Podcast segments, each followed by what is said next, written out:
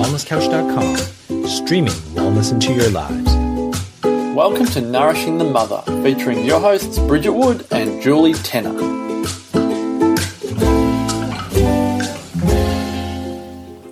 Hello and welcome to Nourishing the Mother. I'm Bridget Wood. And I'm Julie Tenner. And today is a masterclass on how to get okay with tears, which is a big pain point for anyone who has kids, maybe even if you don't. um, but before we do, I would just love to remind you to jump onto nourishingthemother.com.au and join our tribe, which is on our front page, just a button click, join our tribe, and up will come a pop up to fill in your name and email address. However, currently it's playing up. It's playing a bit of a funny things going on. Yeah, so if you're if you're on mobile, you need to turn your mobile horizontally to be able to fill it out.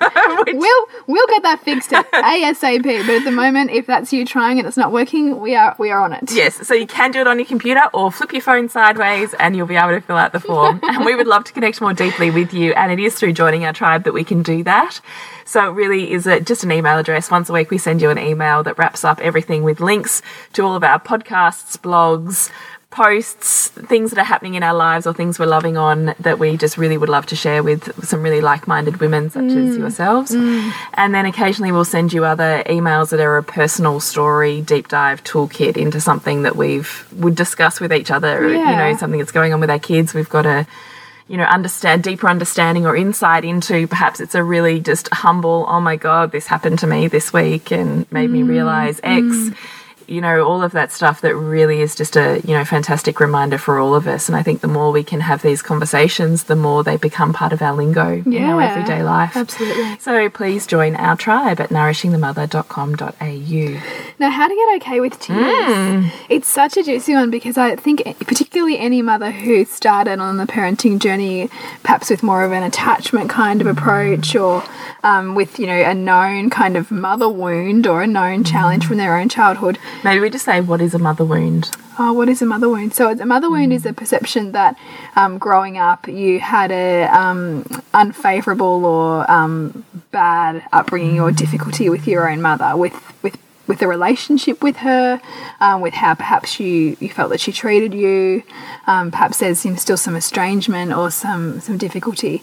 The mother wound is really around that dynamic that you have um, with your own mother, which so often we are called to face when we become mothers ourselves, and so often it informs the kind of parenting that we choose to embark on. So often we find certainly with our tribe and certainly with any of our ourselves and our friends mm. that have mm. that are on this conscious parenting journey, often it's uh, less of a, a fully solid conscious choice and more of a I don't want to parent anything like I was raised. Mm. And so I'm going on this. So we're kind of parenting from a wound, yes. which in itself serves and is what has actually fueled us to provide the type of upbringing for our children and therefore ourselves. So you know don't judge it mm. but we're just saying that's that's often the base and so it's a really interesting place to start looking at when we're sitting with that wound there that is unhealed that's really motivating us towards this style of parenting mm.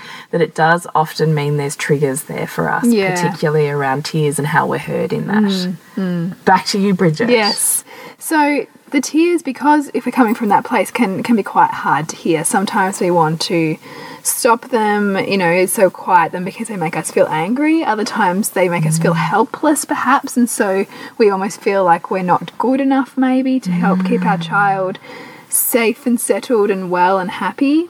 There's all different emotional mm. reactions that we can, can, have. Cause so much anxiety oh and really trigger your own sense of mm. fear mm. and overwhelm, and that can tip into that that overwhelm that's so extreme that you can't you can't do this anymore, and you almost get quite kind of frantic. Yeah. I've certainly gone to those places. So have I. I think I remember the first time that I was really called into real challenge around tears was when my son was like four weeks old mm. and I had to drive like I think it was about half an hour with him just screaming in the back of the car. God, it's the hardest. And it, it and it was and it was it was just into like some kind of you know depressive state or anxiety kind of state. It was really really hard to hear. And often we're crying and the whole yeah. thing is just is super. That's really hard. Yeah, and so we really want to take the conversation as part of this masterclass into how we can become more okay with the tears of our children and, and our own tears. Absolutely. By bringing awareness to what's coming up for us in those places. Yeah, I think definitely. So let's just start with maybe the basic philosophy that that we want to talk about, and then mm. we'll maybe kind of backtrack and move around as we Yeah. normally do in a topic. So, tears themselves are a known physiological release mechanism. So, mm-hmm. we know just in the biochemistry of tears that the tears secretion themselves actually contain hormone particles of stress hormones. Mm. So, our body is literally crying out the stress and the fear and the anxiety, literally on a chemical level, but also on an emotional level. So, we all know as adults that feeling of you kind of are feeling a bit off balance and you can feel this kind of stacking, and maybe you're, you know, wiping away sobbing, kind of weeping tears during the day, and you have this kind of known internal barometer of, I really just need a good cry. Or I'm, uh, you'll often seek that person out that you can be soft and weepy with and not mm. judged or shut down by. Yeah. We know this kind of feeling, or perhaps you are the person who shuts yourself in the bathroom, in the bath or the shower, and, and allows yourself a huge cry with no one around, mm. or screams and wails into her bed and her pillows, and knowing that on the other side of that, she's going to find some sort of balance. And often we come mm. out of that with this kind of sighing, okay. I'm, you know, I'm sore and I'm sensitive, but I'm ready to get back on with my life. Yeah, and there's also like almost like a centeredness that comes from that place of being able to release like that. Exactly. And it's absolutely no different for our kids.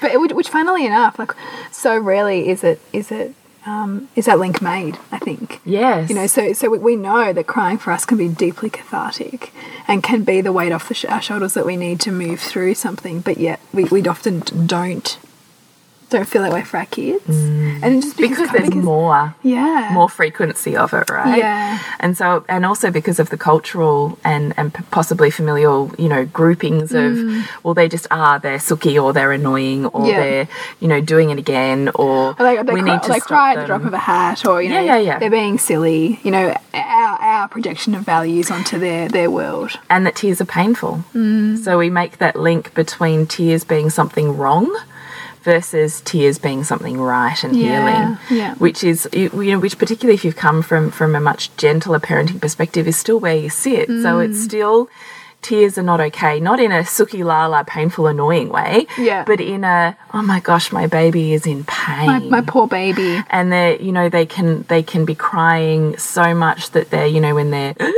you know and they can't catch a breath and they're bright red and perhaps they're you know got these jerky movements going on in their mm. body. Like it looks really kind of violent. Yeah. and when they're older, you know, toddlers can be crying so hard that, you know, they're frothing at the mouth and mm. they're completely inconsolable on the floor. And mm. sometimes when our kids are a little bit older and they're preschoolers, you know, three and four, that rage can be so huge that you're, you know, in the middle of a shopping center while it's happening, or you can't strap them into the car seat because they're flailing so mm. much, or, you know, like all of these scenarios, they continue, you know, throughout their development. Mm. And it can really trigger some really deep feelings for us around helplessness Yeah. and around witnessing our child in pain, which is witnessing ourselves ourselves in pain, mm. really.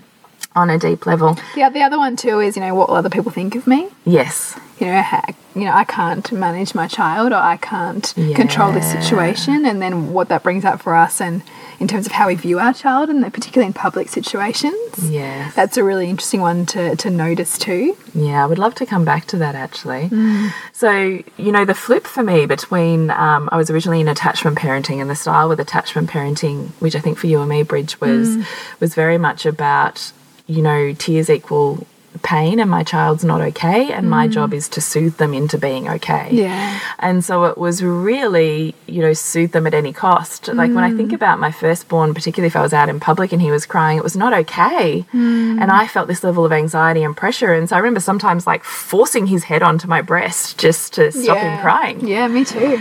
and you know um, I can't even think with the, with you know with my other children, but doing absolutely everything you could to stop the crying, soothing, patting, shushing, rocking, you know, distraction, waving something Mm. in their face, rattling, walking them outside is a really common one I've noticed with a lot of, Yeah. of young parents is Ch- they're not okay inside. changing the scenery Yeah, but if I go outside with the wind and the sun and the breeze, all of a sudden they they stop crying. So they must need to be outside more, or Mm. I need to go outside. You know, anyway.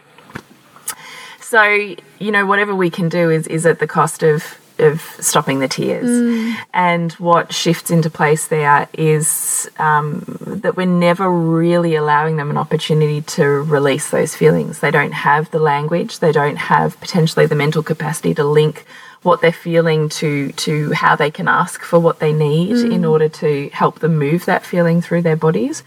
And so it kind of stays stuck. So these feelings never just vanish or disappear, as you know, when you've had a hurt or pain or an anger, even with a loved one or a partner, a sister or a mother, you know, whoever. It doesn't just disappear. No. That grudge, that feeling, that resentment, that pain just kind of stacks somewhere in the mm, body. Mm. And so it's no different with our kids. All of those tiny hurts during the day, the time they got that fright, the time mum wasn't in the room all of a sudden and, and they, you know, were scared. Mm. You know, they hurt themselves. They, you know, it stacks, it literally stacks one upon the other in, inside these little bodies. And then all of a sudden we have that one moment that's the straw that breaks the camel's back because our kids can't be like us and take themselves away and create the environment in which it's safe for them to release. Mm. They don't they can't do that. They don't have the capacity to as yet. So it stacks and stacks and stacks, and they kind of wait for that moment that connects them to the tears. Mm. And it's like the floodgates release, or I had in my blog given the example of the pressure cooker. Mm. So all you've got all these feelings building up, building up, creating this pressure. And all of a sudden there's that last little bit of degree, that that heat, that issue, and all of a sudden that top blows and it's like, well, now I'm here. Mm. I'm going to release all of these stored things that are sitting in here, and, all, and mm. we, the job then for us becomes not so much to put the lid back on that pressure cooker and keep that pressure inside, but to be the safe place in which to fully release that lid until all of that steam has mm. left. And that child can then come back into balance and a harmonious state of, of mm. cooperativeness. And this this kind of thing, you know, it can take a lot of unlearning in terms of how you may have been cultured or, or raised yourself, because mm. perhaps it'll be distraction or here, have some food. Oh, or, and my in-laws were a cracker for that. Here, do you want an ice cream? Do you want a toy? I'll put the rattle in your face. You know, and I mm. remember so many times saying to them, "Can you not distract him right now? It's okay for him to be crying and have some feelings." Mm. You know, and for my husband, the conversations that were nuanced around that, continuous conversations around he has no other language to tell us these mm, things. Mm. So our job is just to hear, I'm here, I'm listening. What else do you need to tell me? it's really, really. So I did interrupt you. In No, no, but it's it's. I keep thinking about how much of a paradigm shift this can be for mothers, because it, it basically pulls the rug out from you in terms of what everybody else is saying about tears and about parenting, mm. and also about perhaps some sore points for you and you in terms of your own experience of how much other people were able to listen to you when things that were really hard for you. Um, come up and, and there's no one there to listen. So this is really interesting, isn't it? Because this is kind of the next layer that we take it to. So we started with attachment parenting, both you and I, Bridge, Yeah. and then found ourselves with aware parenting, which created the space for tears and really created that paradigm shift from understanding tears as pain versus tears as healing. Yeah. but we really want to take it to the next level and kind of integrate the two and that's kind of where we also want to take this discussion so i love that you've put this here because whatever our child is displaying is never solely their behavior. Mm. It's this incredible dynamic and it blows my mind. I mean you and i have hours of conversations around this very thing because it is so incredible and i think we mm. only scratch the surface and i still find it incredible is that whatever they're displaying when we're having a reaction to it, it's an old wound for us. So that filing cabinet of that stored memory, they are literally mm. us at that age. Literally, you don't have to have a physical memory of what you were like at that age because guess what? Here's your child exactly mirroring you at that age. And all of a sudden your filing cabinet goes, ah, unhealed. I remember this. I have an exact mirror picture. I'm going to dig it up. Bang, here's your emotional feeling. And in that moment, I felt hmm. everything my child's feeling. And I know everything my child's feeling because in that moment, if I take a breath out of my trigger and go, how am I actually feeling right now? Like my hmm. urge is I want to stop it or I want to, you know, get away from it. But if I just breathe into that for a second, what am I feeling? So we say this all the time name it to tame it. Yeah, yeah. So when you're in that wildishness, just take a breath and open up your body in a physical way and name it to tame it. So, what am I feeling? What is the actual emotion? Because we are mirroring our child. And our child, it blows my mind, Bridget, when you and I were discussing this, our child sets us up to feel what they're feeling. So, if they're feeling frustrated, unheard, whatever it is, if we take a moment, we don't have to guess what they're feeling. Because when we take a moment to check in, how am I feeling right now? I'm feeling overwhelmed and I'm feeling stressed. Ah, that's what my child's yeah, feeling. yeah. Oh, you know, even things like, you know, how am I feeling right now? I'm feeling disconnected. Oh, yeah, my child's not looking at me. My baby's flailing around. She's unable to be settled. Oh, she's disconnected too.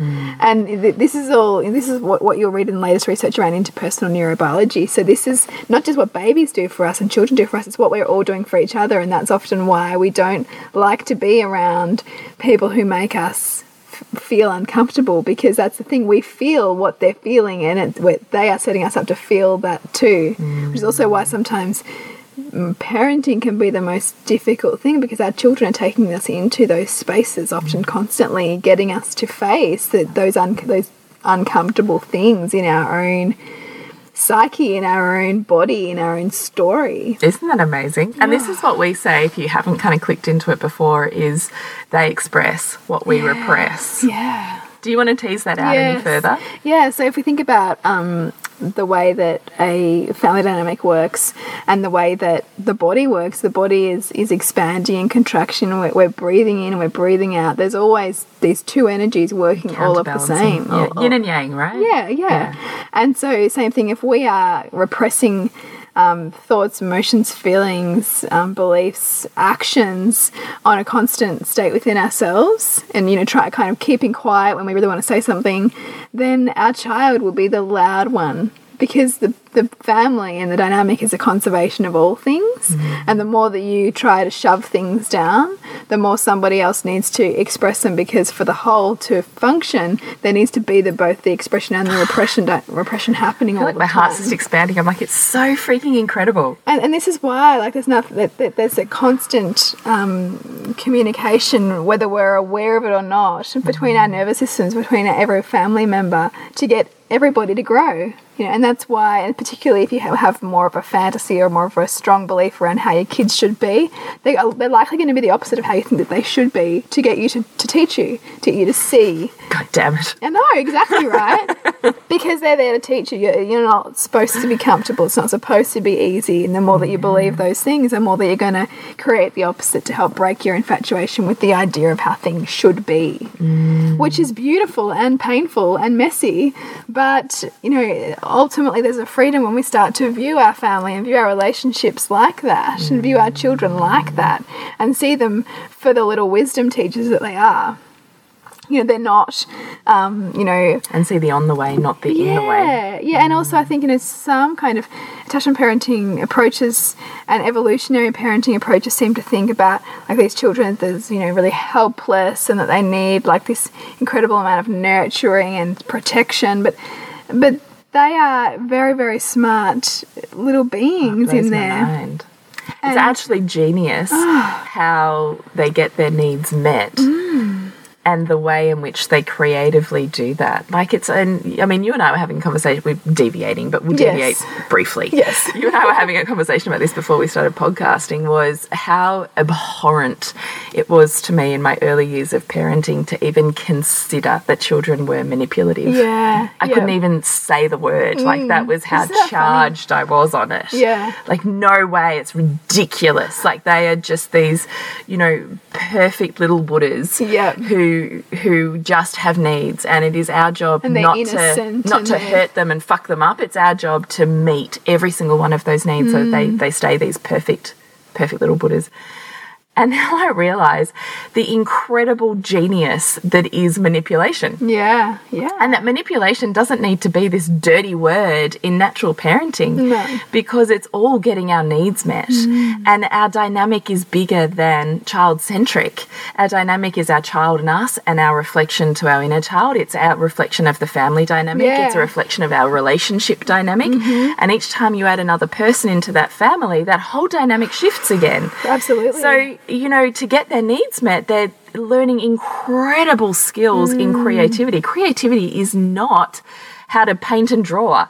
Creativity is literally developing the mind art form mm. of thinking outside the box. Yeah. Who doesn't want a child, an entrepreneur in this world for, for which we don't even know what we're you know, educationally teaching our children for jobs that don't exist, Yeah, right? yeah. They have to be creative thinkers in this mm, world, really, for mm. where it's headed Absolutely. and how fast it's moving. Yeah. And creativity is born often mm-hmm. out of the very basic need of rebelling against rules or finding a way around them or negotiating or, you know, they have these incredible and, and young babies. How do I get my needs met in this mm. dynamic? Am I super cute and you can't resist me and you fall in love with me and I make these Gorgeous sounds. sounds and facial expressions. You're like, oh my God, you know, that's me right now Yeah, with yeah. my baby. And I'm like, you're a genius.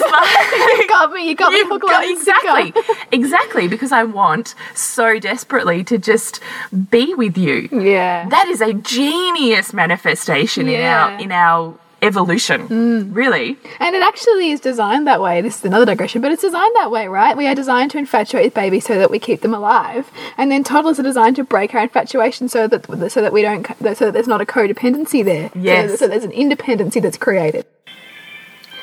Just quickly interrupting this podcast to let you know that coming up in October on the 18th, we are kicking off our aligned parenting program once again. and we would love you to join us. It's two weeks online with us, where we walk you through all our tools, tips.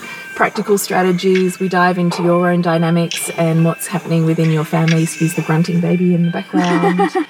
um, to really workshop with you all of your challenges and your, your whole, whole, whole really want this to be the bridging gap between attachment aware parenting styles beyond that in terms of the dynamics that we talk about and how to start to inter- interpret your own wounds and family movements that are actually guiding a lot of the behaviors you see in your child. Yeah, and you, uh, when you when you take part in our program, you'll also get to join our tribe, our online Facebook community, the private group where we share lots and lots of stuff, and it's a beautiful place to be. So we'd love you to join us. So jump on to nourishingthemother.com.au forward slash online programs and you'll see Align Parenting.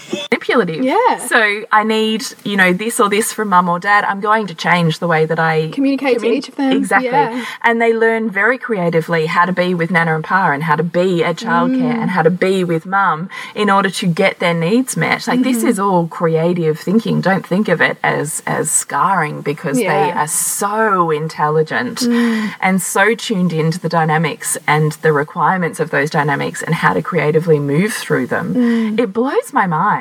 And I, and I think it's a good point. You, you, talked about this. As, don't think of it as scarring. The wonderful thing about being a, becoming more okay with tears is that we don't have to. Thanks for bringing us back. But we don't have to control, you know, like massage, mold the kind of the world for our child. We simply need to be the grounding person who will be make it safe for them to release how they feel about that world. So this is really big, and we spend so much time talking about this in our private Facebook Yeah. group, our members only group.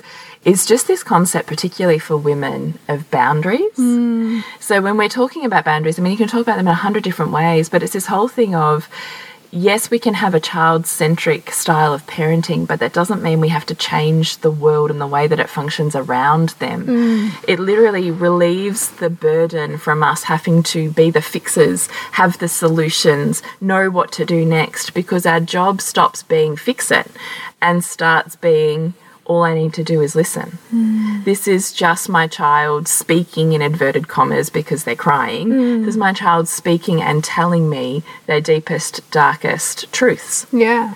So, do I want to be, and you think about them as teenagers, do you want to be the parent who is sitting there going, I haven't got time to listen to this, don't tell me, I don't want to hear about it? Hmm.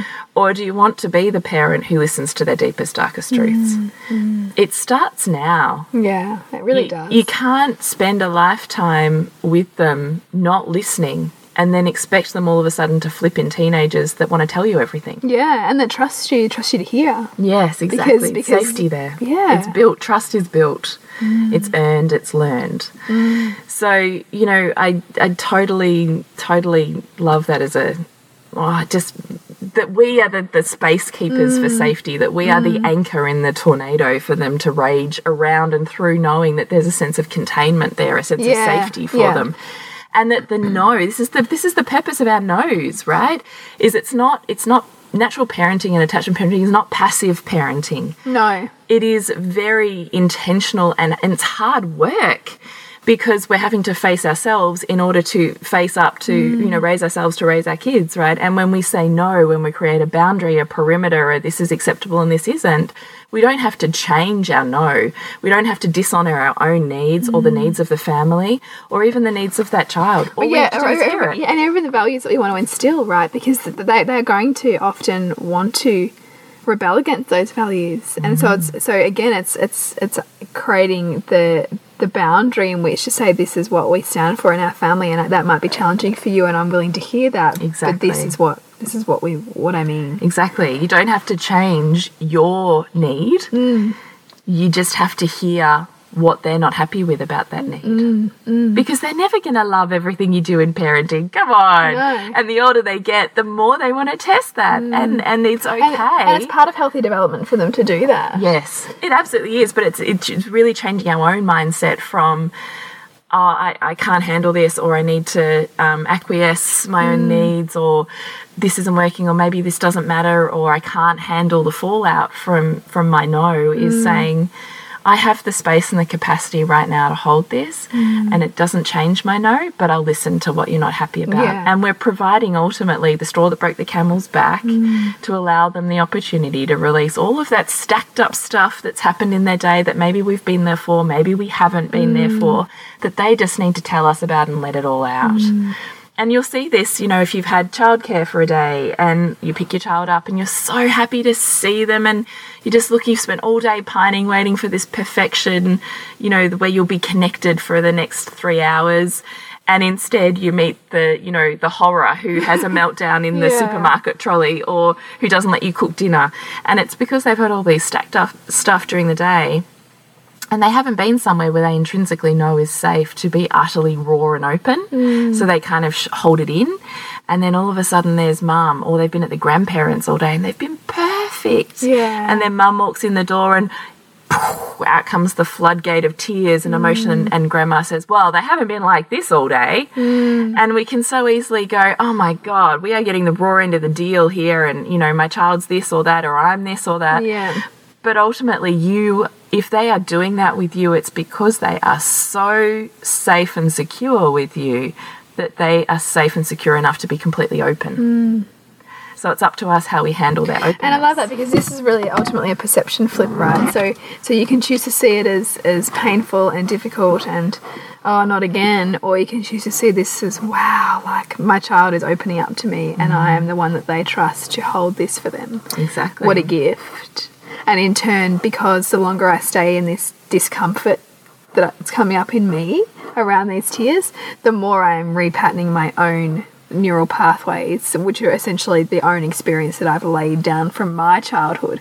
I'm actually repatterning those memories to be able to show up more and more for my child as they grow with less of my own resistance and baggage to that dynamic, which I think is profound.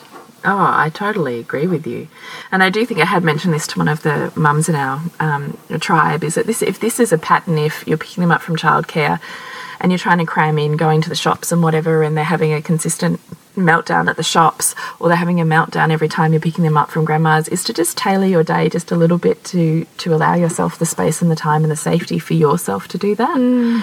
Because if it's not ideal for you to be having this huge meltdown at the shops, just change your routine. Mm. So figure out how in your week you can have already shopped for the week during the weekend, or just make some dinner out of whatever you've got in the cupboard, Yeah. so that you can be home for the meltdown where you feel safe and mm. secure to hold that. Mm. Now, this also leads me into the next point, which is it's never too late to heal. And do we have to hear everything all of the time? And, you know, irrespective of how we're feeling, where we're at, you know, whatever. No, is my big fat answer. And I love the, the emphasis on this because I think sometimes it can feel overwhelming to mothers who then go, "Oh my god, hang on, so I have to get okay with tears and and hear it all, and and but what about me? Yeah, You know, and what about like Or that I have to suck down my own needs this, that, and the order to do other that. that I've got to do? How do I have space for all of that? Yeah. Yeah. And that whole feeling of if you are not feeling 100% congruent with the choice to hold that space right then and there. Mm. If you're tapped out, overwhelmed, if the inner child trigger that's being triggered for you right now is too immense for you to step outside of, mm. if you are in a public space and you don't feel congruent, strong enough, safe enough, whatever it is, to hold the ferocity of that with your child, mm. you don't have to do it. It is okay for you to find a way to soothe your child, to pack that tantruming toddler up and, you know, potentially, you know, you're manhandling them into the car, whatever it is that gets you through to the space where you can hold it because you never lose an opportunity. Those feelings, that emotion, that pain doesn't go away. Mm. It just stacks somewhere in the body and you wait for the next time for that to come out and maybe by then you're ready to hold it and you'll listen to all of it mm. maybe you started listening and you haven't got to the end where they finish crying and kind of go Yeah. and they're ready for a cuddle or they're asking for connection or they're all of a sudden switched back into balance and they're that angelic connected love expanding little person that that is innately their nature and it is of every child. Mm. So this also brings me back to our children are not anything right? They are in their in their heart and in their core these incredibly cooperative little angelic Yeah. people. And it's the behavior that that is you know triggering us and that's not ideal is kind of those stacked up feelings that they haven't mm. got out yet mm. So you never lose a chance if you can't hold the space right then and there they're not going to fully release it anyway because they know on a Yeah, really deep level sense. they can feel it just like you can you can feel when someone doesn't have the time the space the patience or the um, inclination Mm. to hold the level of you in your in your emotional feelings and you'll tailor you know what you allow out or don't allow out around whoever's around you Mm. right kids are absolutely no different so if you haven't got this huge overwhelming safety i will be your anchor whatever you need to tell me i'm here maybe it's not the perfect time for you hmm. you don't lose that opportunity. It does not necessarily need to become a scarring moment for your child because you can always revisit it. Hmm. Next time it comes up, maybe you'll be ready. You've got five minutes into it and now you've had enough, fine. You can step out of that, you'll come back to it. You never hmm. lose this chance to heal with our kids. And our own needs is really what we need to channel into when we're looking at tears. So, this was a topic that you and I were talking about just before is in those moments when it's hard to hear what's actually going on for yeah us. yeah so you know why am i finding it difficult to hear this and Mm-hmm. you know what are the what's the kind of voice that comes into my head when you know for instance in, my case my daughter throws her head back and Mm-hmm. arches her back in her high chair and doesn't want lunch you know what why do I not find compassion in this moment and why do I instead find judgment? Where does that come from? Why do I believe what I'm believing right now about this dynamic? Mm. Because she's only doing what she's doing because I also need it too. Like she, her behavior is not in isolation. Her behavior is as part of the dynamic that we spoke about. That means that there's parts of there's stuff for me to heal, there's stuff for me to grow through just as much as there is for her to grow through here. And it's about checking in and seeing, okay, how do I want to how do I want to handle this at the moment? You know, do I have the space to time and space to take her out of the chair, to sit with her, to hold her when she's furious, and to listen?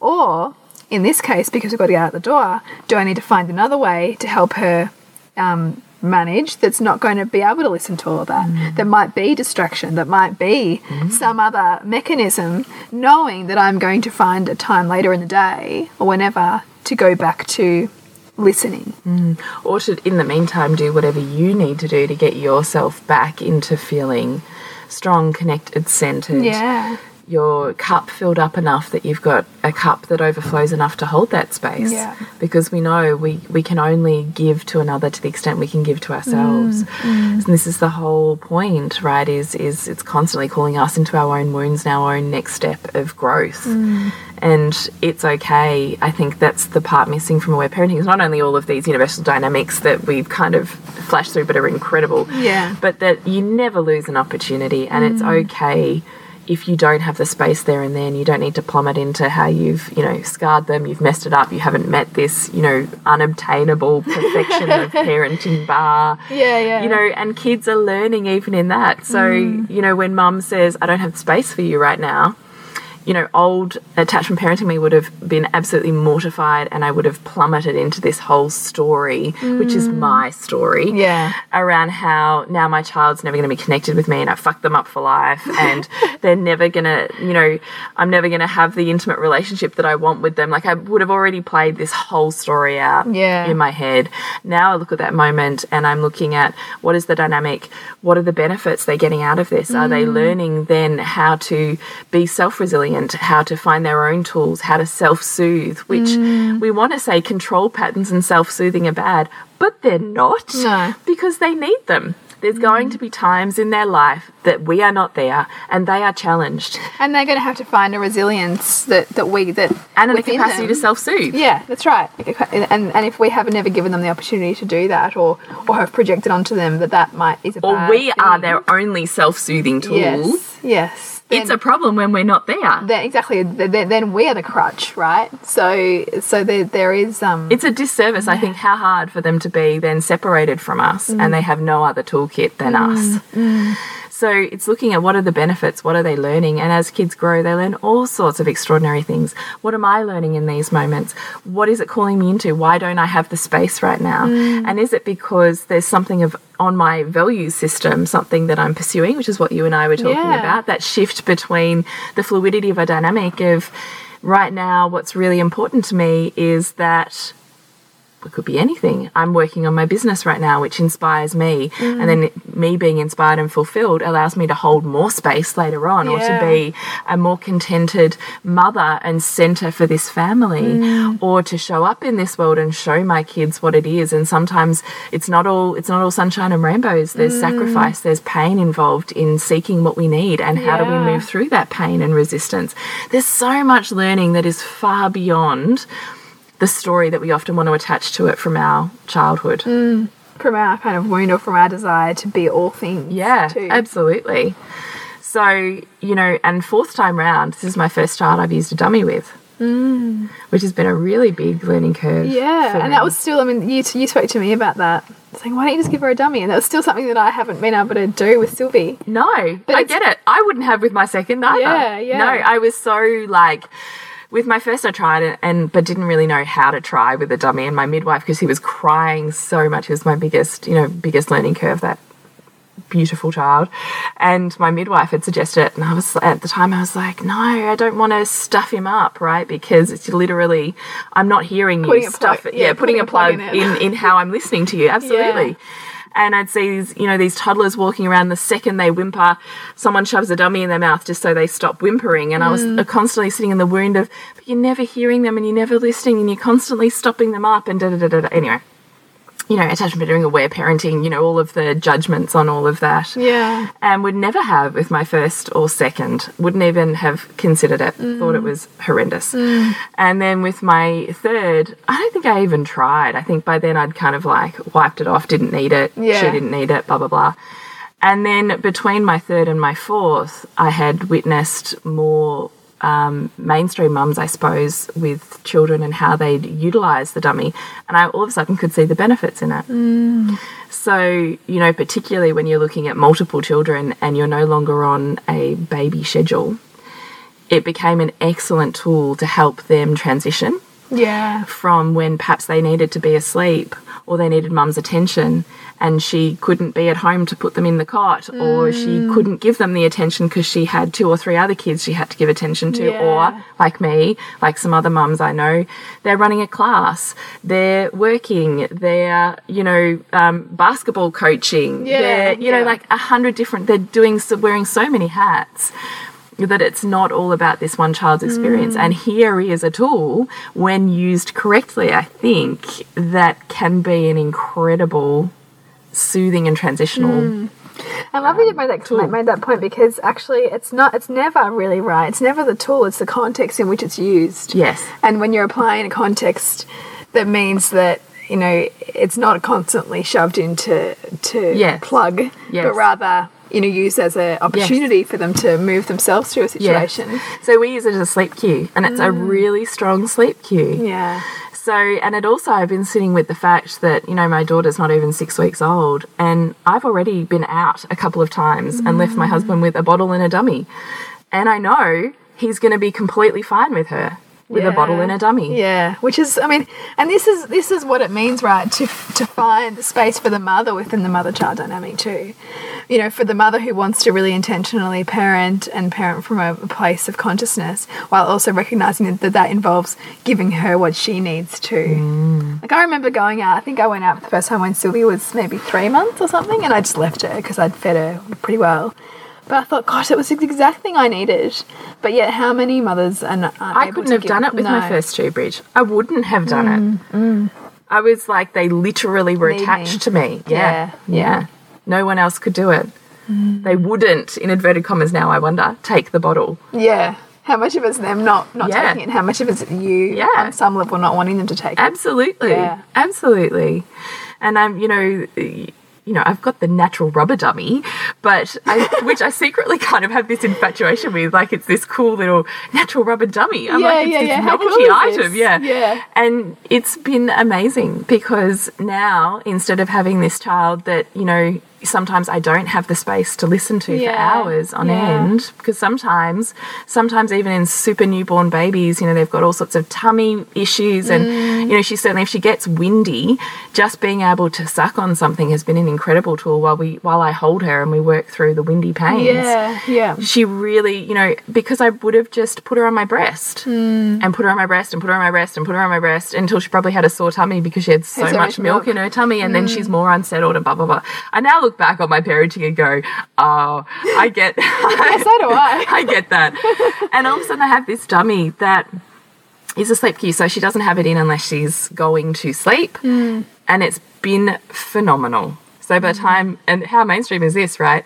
By the time she doesn't co sleep, never settles, she doesn't feed to sleep. Hmm. But as soon as I wrap her and I get out the dummy, she's like, ah, right. and she goes to sleep It's amazing. and she's in a cot and all of a sudden i have this time to be with my other kids to get hmm. shit done yeah. to clean up my house that just feels like a freaking bomb most of the time or to hmm. get dinner ready and i just like go this is so serving and i judged it so harshly It's amazing. because i thought as soon as you started to not listen you were showing them you weren't listening yeah.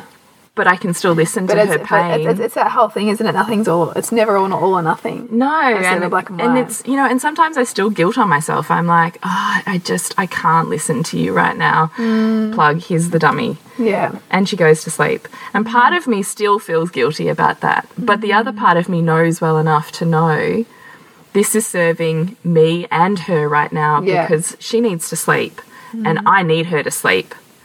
And I can't give her undivided attention right now. Mm, mm. So, this is the easiest transition for both of us to get our needs met in this moment. Mm. And later on, I can give her undivided attention, Yeah. just not right now. And I think they learn the fluidity of that. Yeah, and so much of it is, is getting comfortable within ourselves around where that is for us, so that we can lead in a way that is um, giving our, our kids, even if they might not necessarily love the boundary we're setting, confidence in the quality of our boundary, which I think is powerful.